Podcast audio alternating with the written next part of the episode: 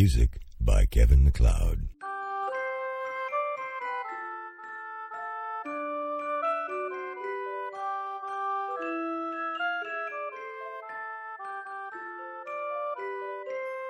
Hejsan och välkommen till lucka 7 i en julkalender utan namn. Presenterad av Spelpodcast utan namn. Det här är Mattias Holmberg som pratar och eh, stort grattis till Niklas Shitface Saturday Holm som eh, fyller år idag.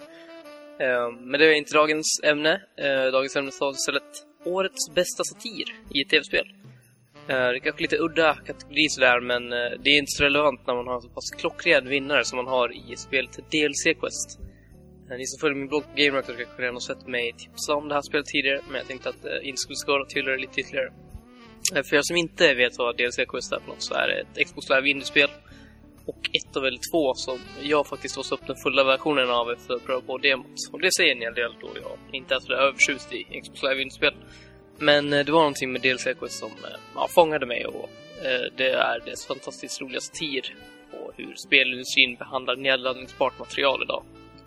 Eh, Ni kanske har märkt att expansioner har spelat ut sin roll och istället släpps utökade spelupplevelser digitalt.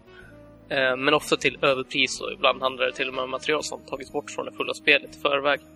Eh, samtidigt får allt fler och fler spel så kallade online-pass som ska förhindra återförsäljningen och att de flesta stora spelbutikerna har exklusivt förhandsbokningsbart material är ju ingen hemlighet. Sen får man inte glömma allt rent ut sagt meningslöst material som läggs upp på de digitala marknadsplatserna. Eh, man har ju ingen aning om det är värt kosingen eller ej. Det här är någonting vi har fått komma att acceptera helt enkelt sen eh, den här konsolgenerationen drog igång. Men eh, allt det här och lite till parodiseras alltså i DLC Quest. Det är en eh, kort spelupplevelse på ungefär 20 minuter och så. Men den lyckas ändå leverera ett budskap, nämligen att DLC är djävulens påfund. I spelet så ska vi rädda en prinsessa som blev kidnappad av en ond magiker, men för att nå dit måste vi först kunna hoppa över den här förbaskade stenen som står mitt i vägen. Då är det ju tur att spelet låter dig köpa förmågan att kunna hoppa. Eller vad sägs om att kunna pausa spelet ifall du skulle behöva ett break? Ja, lägg då ut en lite mindre summa pengar så fixar det sig. Ytterligare så måste vi köpa nya banor för att komma vidare i handlingen. Vapen måste pröjsas för och självklart kan du inte eh, ha din häst stå och frysa i natten utan den måste ju få lite hästpansar. Min eh, personliga favorit är, kanske lite otippat, eh, den nya bikini-skinsen till alla karaktärer i spelet. Mer sånt tack. Eh, men oroa dig inte, det är såklart inte riktiga pengar du lägger ut för allt detta. Det är endast spelets egna valuta. Eh, men det är ändå rätt läskigt att majoriteten av spelen idag faktiskt tar betalt för saker som, ja, hästpansar eller vapen som ser ut som flytande metall. Så um, finner du dig i till exempel mörkt utan något att göra, ja, då tycker jag att du ska spola in DLC-quest alltså.